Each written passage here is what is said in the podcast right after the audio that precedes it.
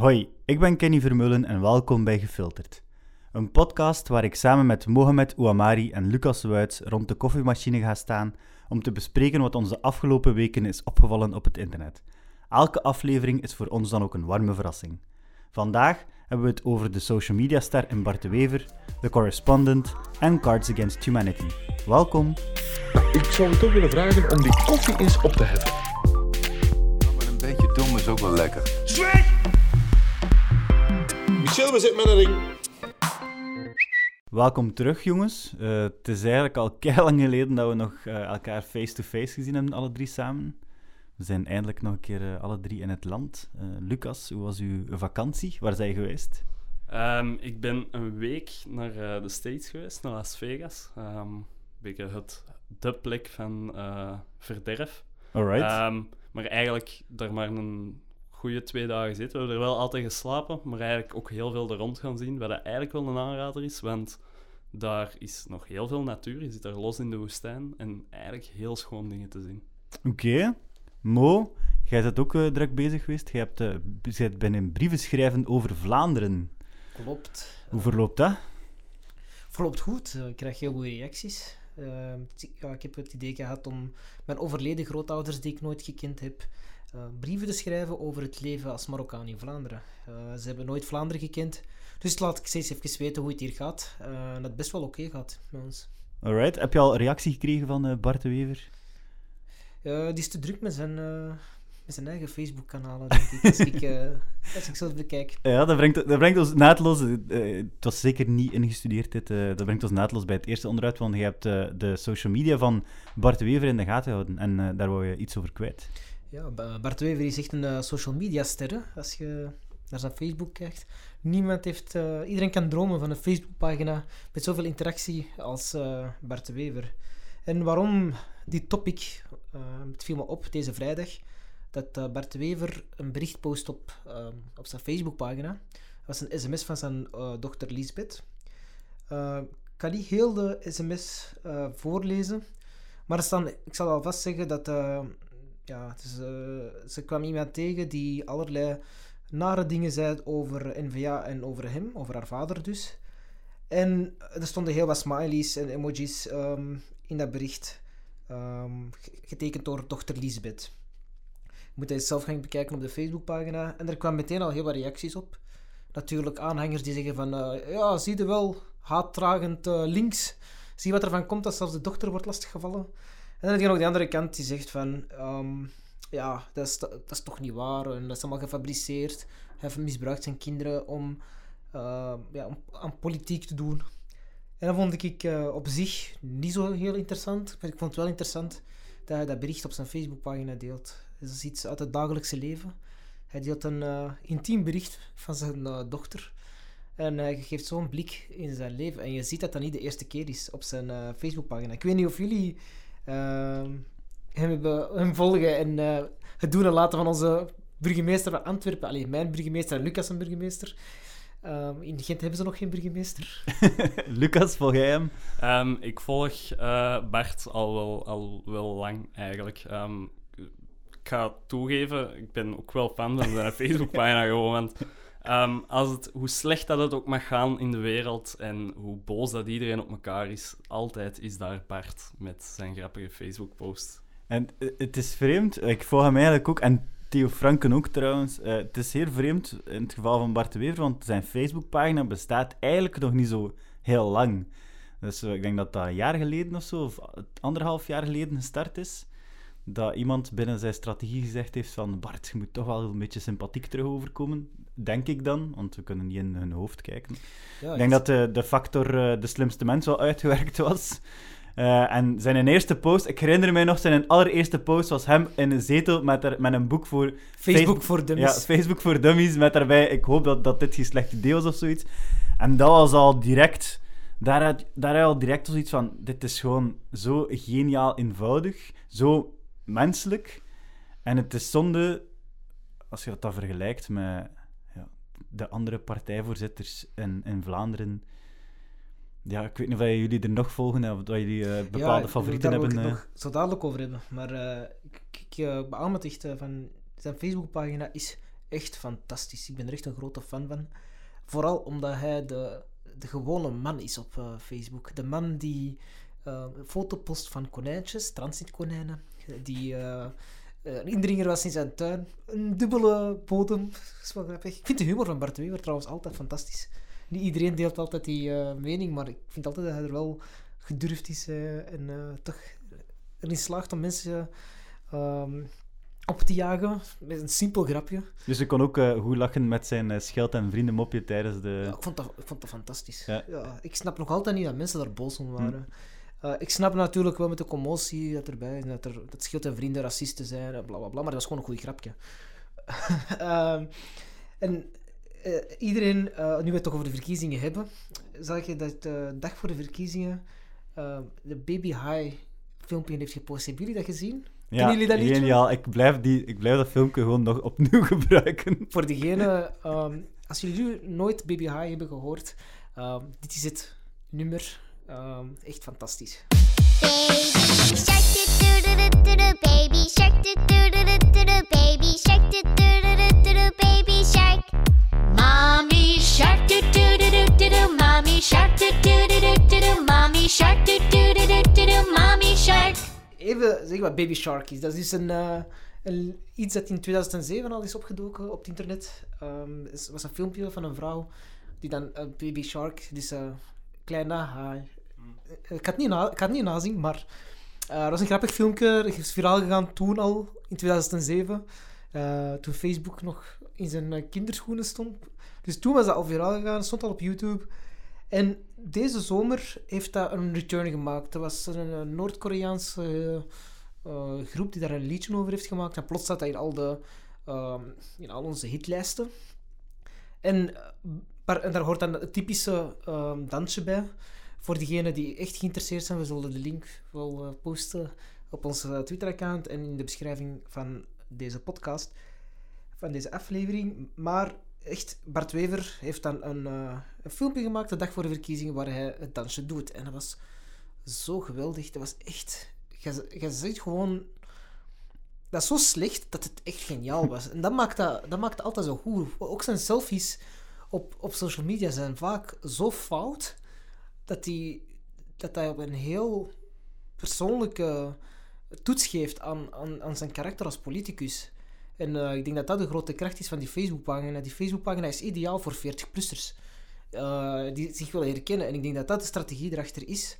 Van, ja, Bart de Wever staat al bekend omwille van zijn ehm, politiek vernuft.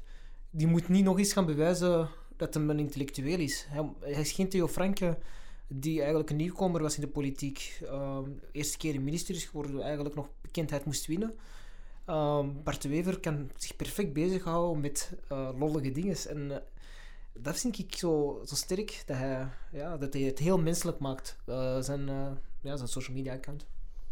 Ja, ik denk dat de, de tegenstelling tussen, tussen de pagina van Theo Franken en, en Bart de Wever ook gewoon niet groter kan zijn. Waar dat Theo echt hard op die politiek en op die actualiteit ingaat en vaak ook gewoon inhakt, is de Wever eigenlijk gewoon de gezellige onkel dat probeert grappig te doen op Facebook en op de een of andere bizarre manier er ook echt gewoon nog in, in slaagt. En ik denk, dat is weer punten voor NVA gewoon, qua communicatiestrategie is dat weer keigoed gevonden gewoon.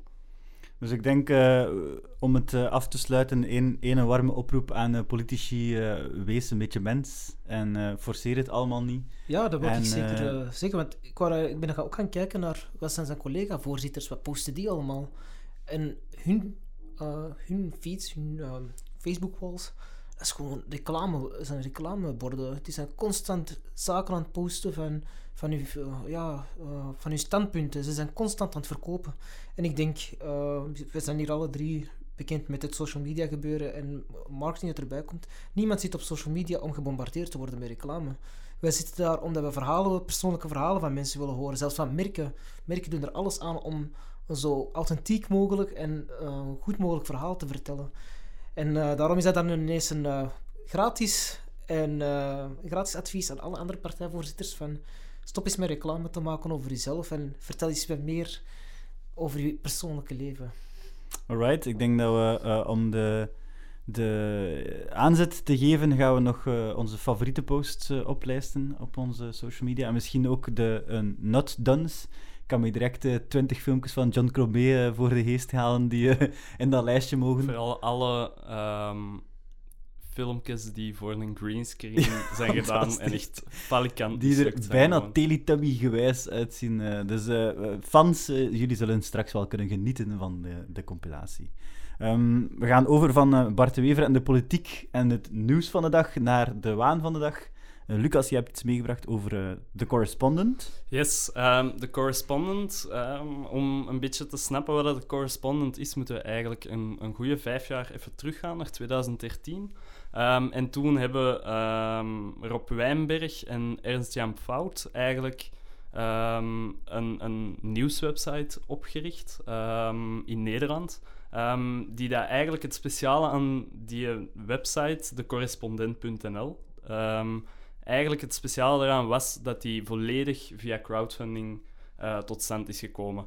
Wat dat ervoor gezorgd heeft dat eigenlijk door het lidgeld dat de mensen, de lezers, betalen om de stukken op die website te kunnen lezen, eigenlijk ehm, advertentievrij waren. Dus er- overal op de website vonden eigenlijk geen enkele advertentie. Wat dat ehm, in 2013 best wel een gedurfde zet was, om het zo te zeggen. Ehm, en nu, vijf jaar later, ehm zien... Wat was, de, wat was de reden daarachter?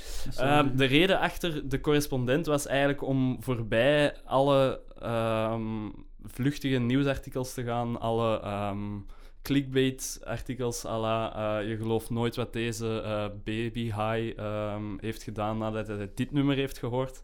Ehm, en, en ze wilden eigenlijk een tegenantwoord bieden op gewoon al die nieuwsmonkeys van Nederland, om het zo te zeggen.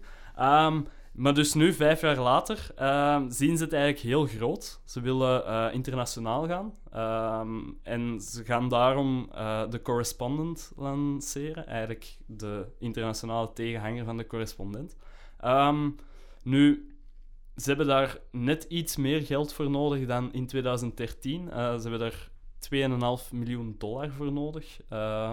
Ze zijn nu, denk ik, een goede twee weken zoiets bezig met die crowdfunding. En ze hebben nu ongeveer 800.000 eh, dollar binnengehaald. Dus ze hebben nog wel een hele weg te gaan. Ik weet niet. eh, Kenny, als ik me niet vergis, eh, zeg jij, Ja. heb jij het gesteund? Ik, was, ik ben fan van het eerste uur van de correspondent. Ehm, ik heb eigenlijk, dat was ik denk 50 euro per jaar.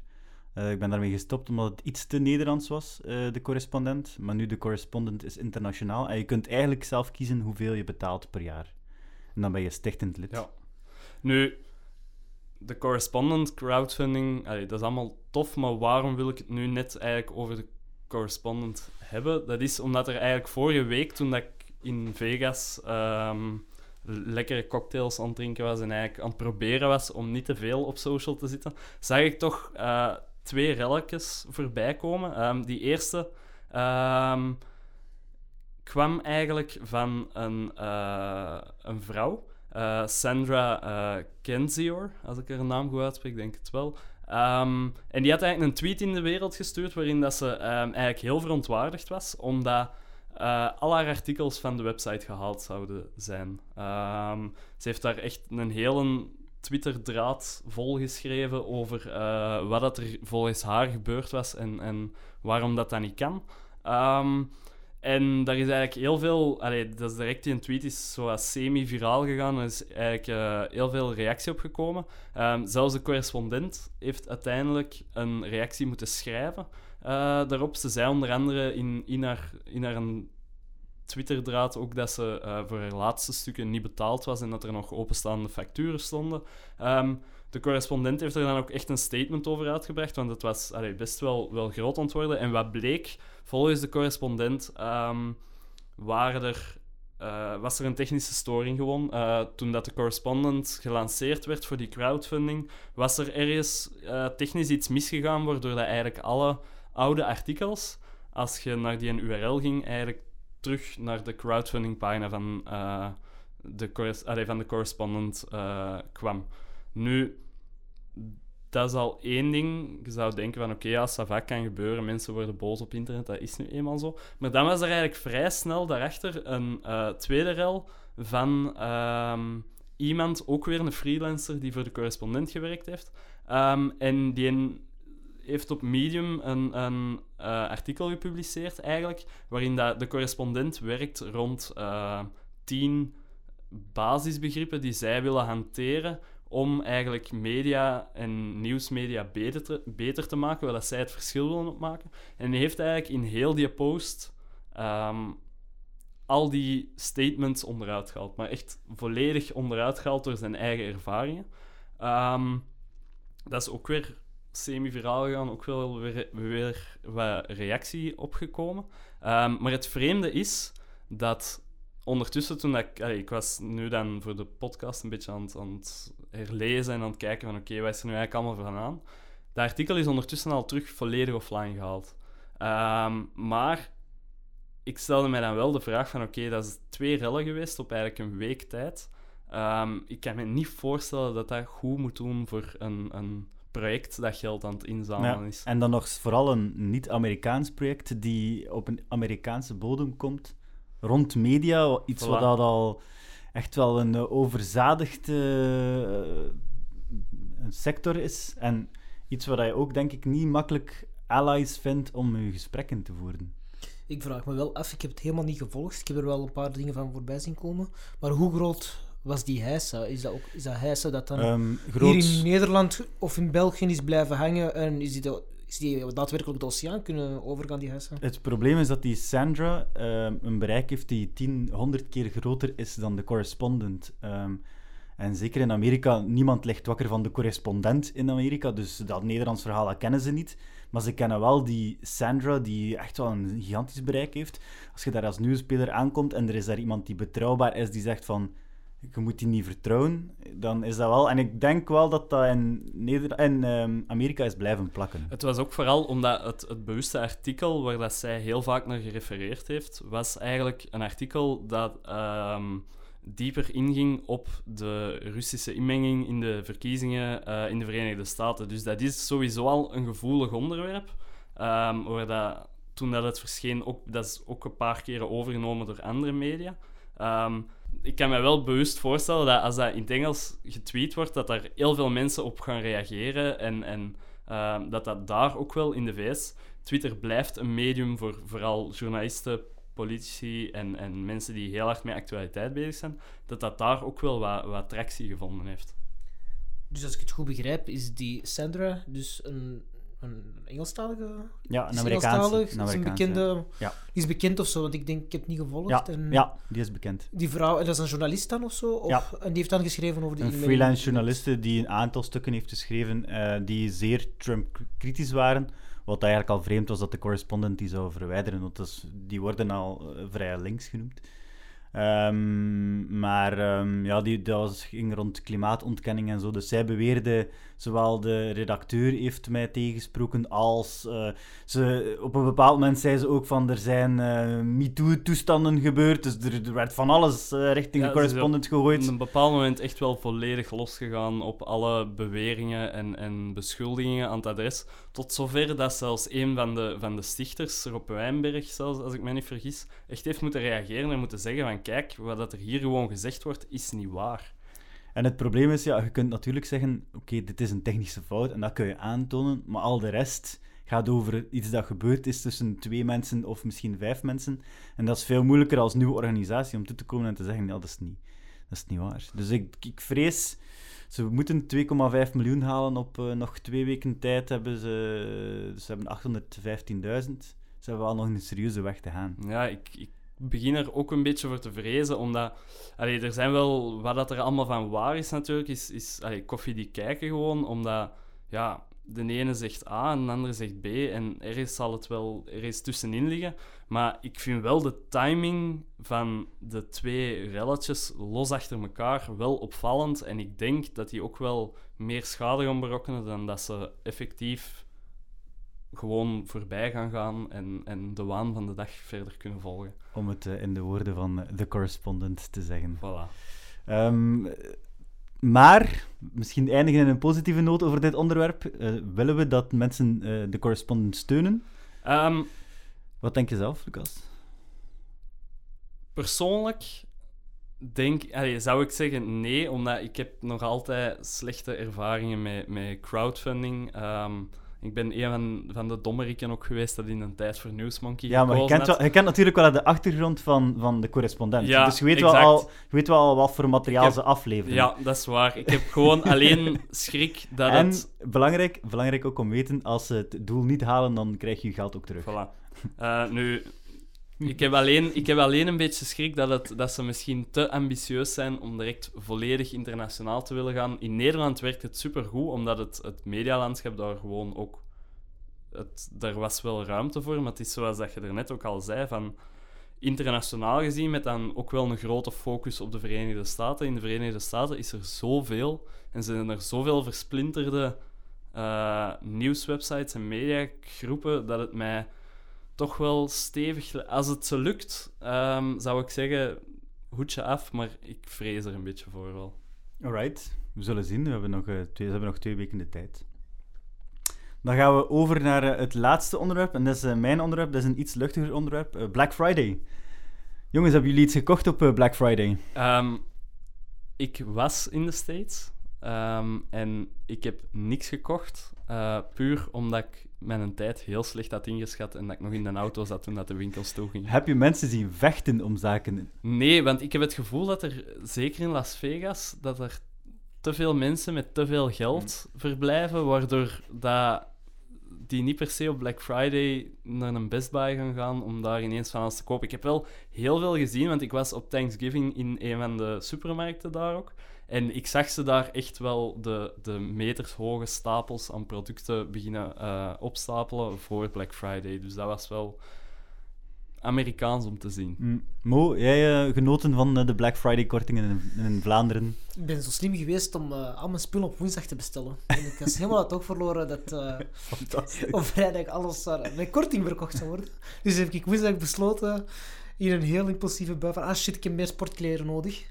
Eh, dus heb ik gewoon een heel bestelling gedaan en dan heb ik zo twee dagen later gezien dat alles met 50% korting was. Dus, dus eigenlijk ben ik een eh, activist die geen, eh, niet meedoet aan Black Friday. Ik ben zo'n hipster die zegt nee. Ja, dat is, dat is mooi, want ik, ik, ehm, er was eigenlijk direct een tegenreactie hier in Vlaanderen. Het is nog maar twee jaar dat we dit, deze fantastisch mooie traditie plotseling Vlaams maken, terwijl alle Vlaamse tradities eh, niet mogen veranderen. Dat is zo een Ehm, van de, maar de Vlaamse normen en waarden die dat we hebben toegevoegd aan, eh, aan ons takenpakket Ja. waarschijnlijk. Ja. Dit, dit, dat is een volledig ander verhaal. ehm, maar ehm, Cards Against Humanity is een eh, Amerikaans bedrijf die een kaartspel eigenlijk maakt. De bedoeling van het spel is dat je kaartjes naast elkaar legt en een zo grappig mogelijk resultaat krijgt. Dus je hebt een vraag, legt een antwoord of je vult de zin aan. Ehm, en die hebben eigenlijk al van bij het begin van het bestaan gezegd: wij doen daar niet aan mee, aan dat ongelooflijk eh, kapitalisme. Dus we gaan eigenlijk een tegenreactie doen. En ik eh, ben een gigantische fan van eh, hun marketingstunts. Eh in zoverre dat eigenlijk het onderwerp dat ik mee had voor vandaag eh, heb weggeschoven voor Cards Against Humanity, omdat ook dit jaar zo weer iets fantastisch gedaan hebben. En ehm, ik zou graag mensen oproepen als ze straks morgen aan het koffiemachine staan eh, met hun collega's, dat ze eigenlijk gewoon een keer vertellen van Cards Against Humanity, ik zal je een keer vertellen wat die allemaal doen tijdens Black Friday. En ik zal het jullie eventjes vertellen. Het eerste dat ze gedaan hebben, heel eenvoudig, ze hebben een dozen 5, euro, eh 5 dollar duurder gemaakt. Dus dat was een eerste stunt. 2013 hebben ze gezegd, voor Black Friday maken we alles 5 dollar duurder. Ehm, ze hebben gezien, eh, dat heeft eigenlijk onze sales niks veranderd. We hebben er eigenlijk evenveel verkocht, maar de dag daarna hebben we er wel veel meer verkocht dan normaal. Omdat mensen zoiets hadden van, we wachten tot, tot dat weer gedaald is. Ehm, het jaar daarna hebben ze gewoon ehm, eh, het volledige bedrag gevraagd voor niks. Voor een lege doos. Dus hebben ze gewoon een lege doos verkocht. Superveel eh mensen die dat gedaan hebben. Ehm, een andere stunt dat ze gedaan hebben die fantastisch cool was, ze hebben een eh, Picasso gekocht. En iedereen die tijdens die periode iets aankocht, die mocht mee in de Picasso-stemronde. en dan mochten ze beslissen, gaan we de Picasso versnipperen en krijgt iedereen die iets gekocht heeft een stukje Picasso? Of schenken we hem aan een museum? Een echte Picasso. Een echte Picasso. Een echte Picasso Ja, een, echte, handen dat was, ja, een klein stuk, maar zo, ik denk dat ze er... Het was 150 of 200, 300.000 of zoiets. Eh, en dus de boodschap was, en eh, ik zal eh, de clue niet verklappen of dat het effectief gebeurd is of niet, ehm, of dat ze hem effectief in een museum gestuurd hebben. Maar de vraag was dus, wil je een mini-stukje Picasso of moeten we het schenken aan een museum? Dus dat is ook een stunt dat ze gedaan hebben. Een van hun ehm, laatste stunts is eigenlijk op ehm, Black Friday hebben ze gezegd. De metafoor van eigenlijk is op Black Friday en constant zaken kopen. Dus eigenlijk een beetje je geld in, in de put gooien. Dus wat hebben ze gedaan? Een livestream met een gigantisch grote graafmachine. En eh, zolang dat mensen zaken bleven kopen, bleef het graafmachine graven. Dus ze maakten eigenlijk gewoon een random put ergens op een random plaats. Dat, was, eh, dat heeft gigantisch lang geduurd ook. Ik ga trouwens alle stunts ook eh, zeker delen op onze Twitter-account. Ehm, maar de beste moet nog komen. Ehm, toen Trump heeft gezegd, we gaan... we're gonna build the wall. And Mexico is gonna pay for it. Heeft Cards Against Humanity gezegd, nee, nee, wij gaan ervoor betalen. Dus wat hebben ze gedaan? Ze hebben een stukje grens gekocht, tussen Amerika en eh, Mexico. eh, met hun inkomsten. En ze hebben ervoor gezorgd dat Trump dat stukje al sowieso niet eh, tot de muur kan omvormen. Dus dat stukje is nu eigendom van Cards Against Humanity. En dat is nog altijd... Nog altijd. Ze hebben daar nu een kunstwerk op gezet. Ze hebben daar nu kunstwerk op Bangelijk toch? En, en dat kunstwerk is toevallig een deur, waar dat ze Eh, door kunnen ja, het, zijn, eh, het zijn blokken waar, dat ze, waar dat je dus door kunt wandelen. dus ze hebben echt effectief gezegd, en het staat ook op hun site van, wij gaan alles doen, we gaan er alles voor doen om ervoor te zorgen dat dit stukje van ons blijft. Ehm, en dat vind ik fantastisch mooi. Dit is het soort marketing die zo doorgedreven is in, in hun DNA. Dit doen ze niet voor de stunt, anders zouden ze dat geen acht jaar op rij doen, eh, of vijf jaar op rij doen. Ehm, ehm, de, stunt van vorig jaar hebben ze eigenlijk gezegd. wij zijn er eigenlijk trots op dat wij heel veel doen voor goede doelen. Een van de zaken bijvoorbeeld dat ze gedaan hebben, is ervoor gezorgd dat hun Chinese fabriek, waar alles gemaakt wordt, een week kon sluiten, zodat al die mensen op eh, vakantie konden voor een week. Dat ongelooflijk gek is om dat, eh, dat idee te hebben. Maar ze hebben dus gezegd van, eh, we zijn eigenlijk heel trots dat we zoveel doen voor het goede doel. Dus van dit jaar ehm, kunnen mensen 5 euro doneren. Gewoon random 5 euro doneren. Dus mensen hebben, eh, ik denk, eh, 110.000 mensen hebben 5 euro gedoneerd. Ehm, en eh, het resultaat was, eh, de vraag was, oké, mensen vroegen zich af wat dat we gedaan hebben met dat geld. Wel, we hebben er allemaal zelf zaken mee gekocht. En ze hebben, ze hebben een lijstje gemaakt met wat dat ze er zelf mee gekocht hebben. Alle werknemers van Cards Against Humanity, wat exact dat ze ermee afbetaald hebben. Sommigen hebben een eh, school debt afbetaald, sommigen medical bills. Dus dat stond daar heel mooi in opgelijst van dit hebben wij gekocht met jullie 5 dollar. En mensen vonden dat fantastisch. Gewoon omdat je zo... Omdat dat zo'n gigantische love brand is. Voilà, ik wil het net zeggen, dan moet het toch echt een, een merk hebben dat zoveel liefde opwekt, dat, dat mensen zoiets hebben van, oh ja, hier een 5 dollar, je mocht Ja. hebben. Allee. Ja, ja, ja. dat- dat- maar je kunt zie- natuurlijk daar niet mee starten. Het is, eh, je moet een gigantisch grote aanloop hebben. Hoe lang bestaat het, eh, bestaat Cards Against Humanity al? Ik denk eh, dat die ehm 5 euro stunt, dat dat helemaal in het begin was al bijna. Dus Ja. ik denk een 6, 7 jaar of zoiets. Dat is eh. op zich, als je zo nadenkt over wat ze jaar per jaar al gedaan hebben, eigenlijk nog niet zo lang, hè? Nee, en het, is- en het zijn- echt wel redelijk grote stunts. En nu het laatste wat ze dit jaar gedaan hebben, en ik heb het, veel, ik heb het pas dit, vandaag ontdekt, veel te laat dus. De 99% sale.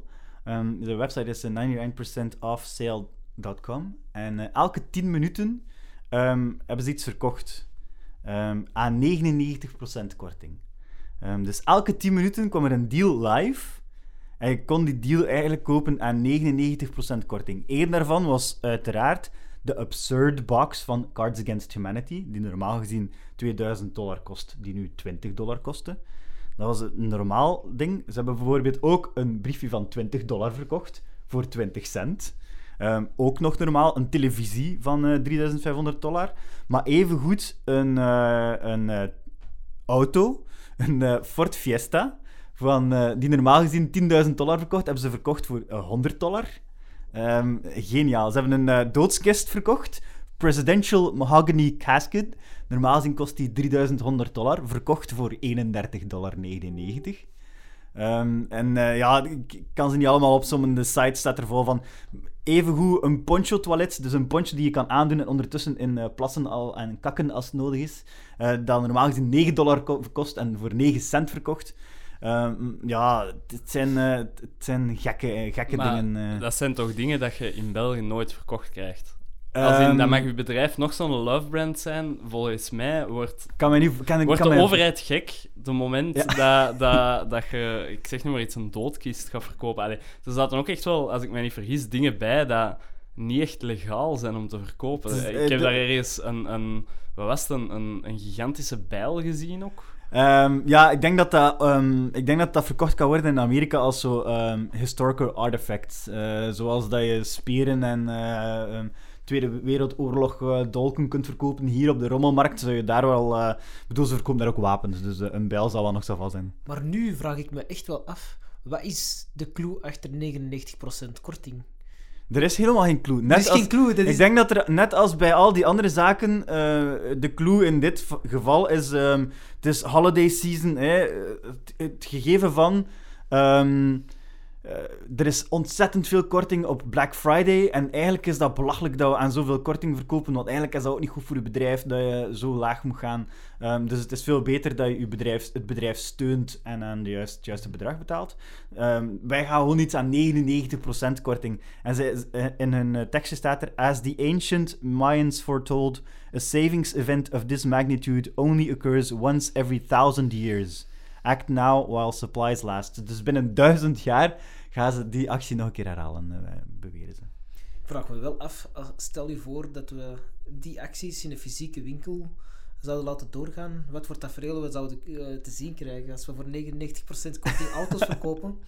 Eh, Ze hebben een Signed Mean Girls poster verkocht, ook bijvoorbeeld, die normaal gezien 800 dollar kost. Ja, de site is... er, er zijn gewoon al de producten die ze te, koop stelden, waren zo geniaal eh, bizar. Plus, er stond dan nog een keer per, ehm, per ehm, item een zeer goede eh, uitleg bij. Bijvoorbeeld een inflatable bubble eh, camping tent stond erbij. Post it on Instagram, make your life look better than it really is. Extremely loud pump included. Could you suffocate in this thing? Question mark. We have sustainable concerns regarding the quality of this product. Was normaal gezien 1300 dollar, nu verkocht voor 13 dollar. Zolang dat maar in Amerika is, kan alles waarschijnlijk. dus, eh, dus ik zou zeggen, again, eh, als je aan het koffiemachine staat en je wilt een, eh, grappig weetje vertellen, dan kun je zeggen van, hey, weet je nog, Black Friday, ah, wel, Cards Against Humanity. En ehm, oproep ook, volgend jaar gaan ze opnieuw iets bizar doen, dus hou het in de gaten en misschien kun je wel een auto kopen voor eh 100 dollar. Check, will do. Goed, dan, dan zijn we er. Dat is weer al een half uur vol weetjes en, en nieuwe dingen aan de koffiemachine.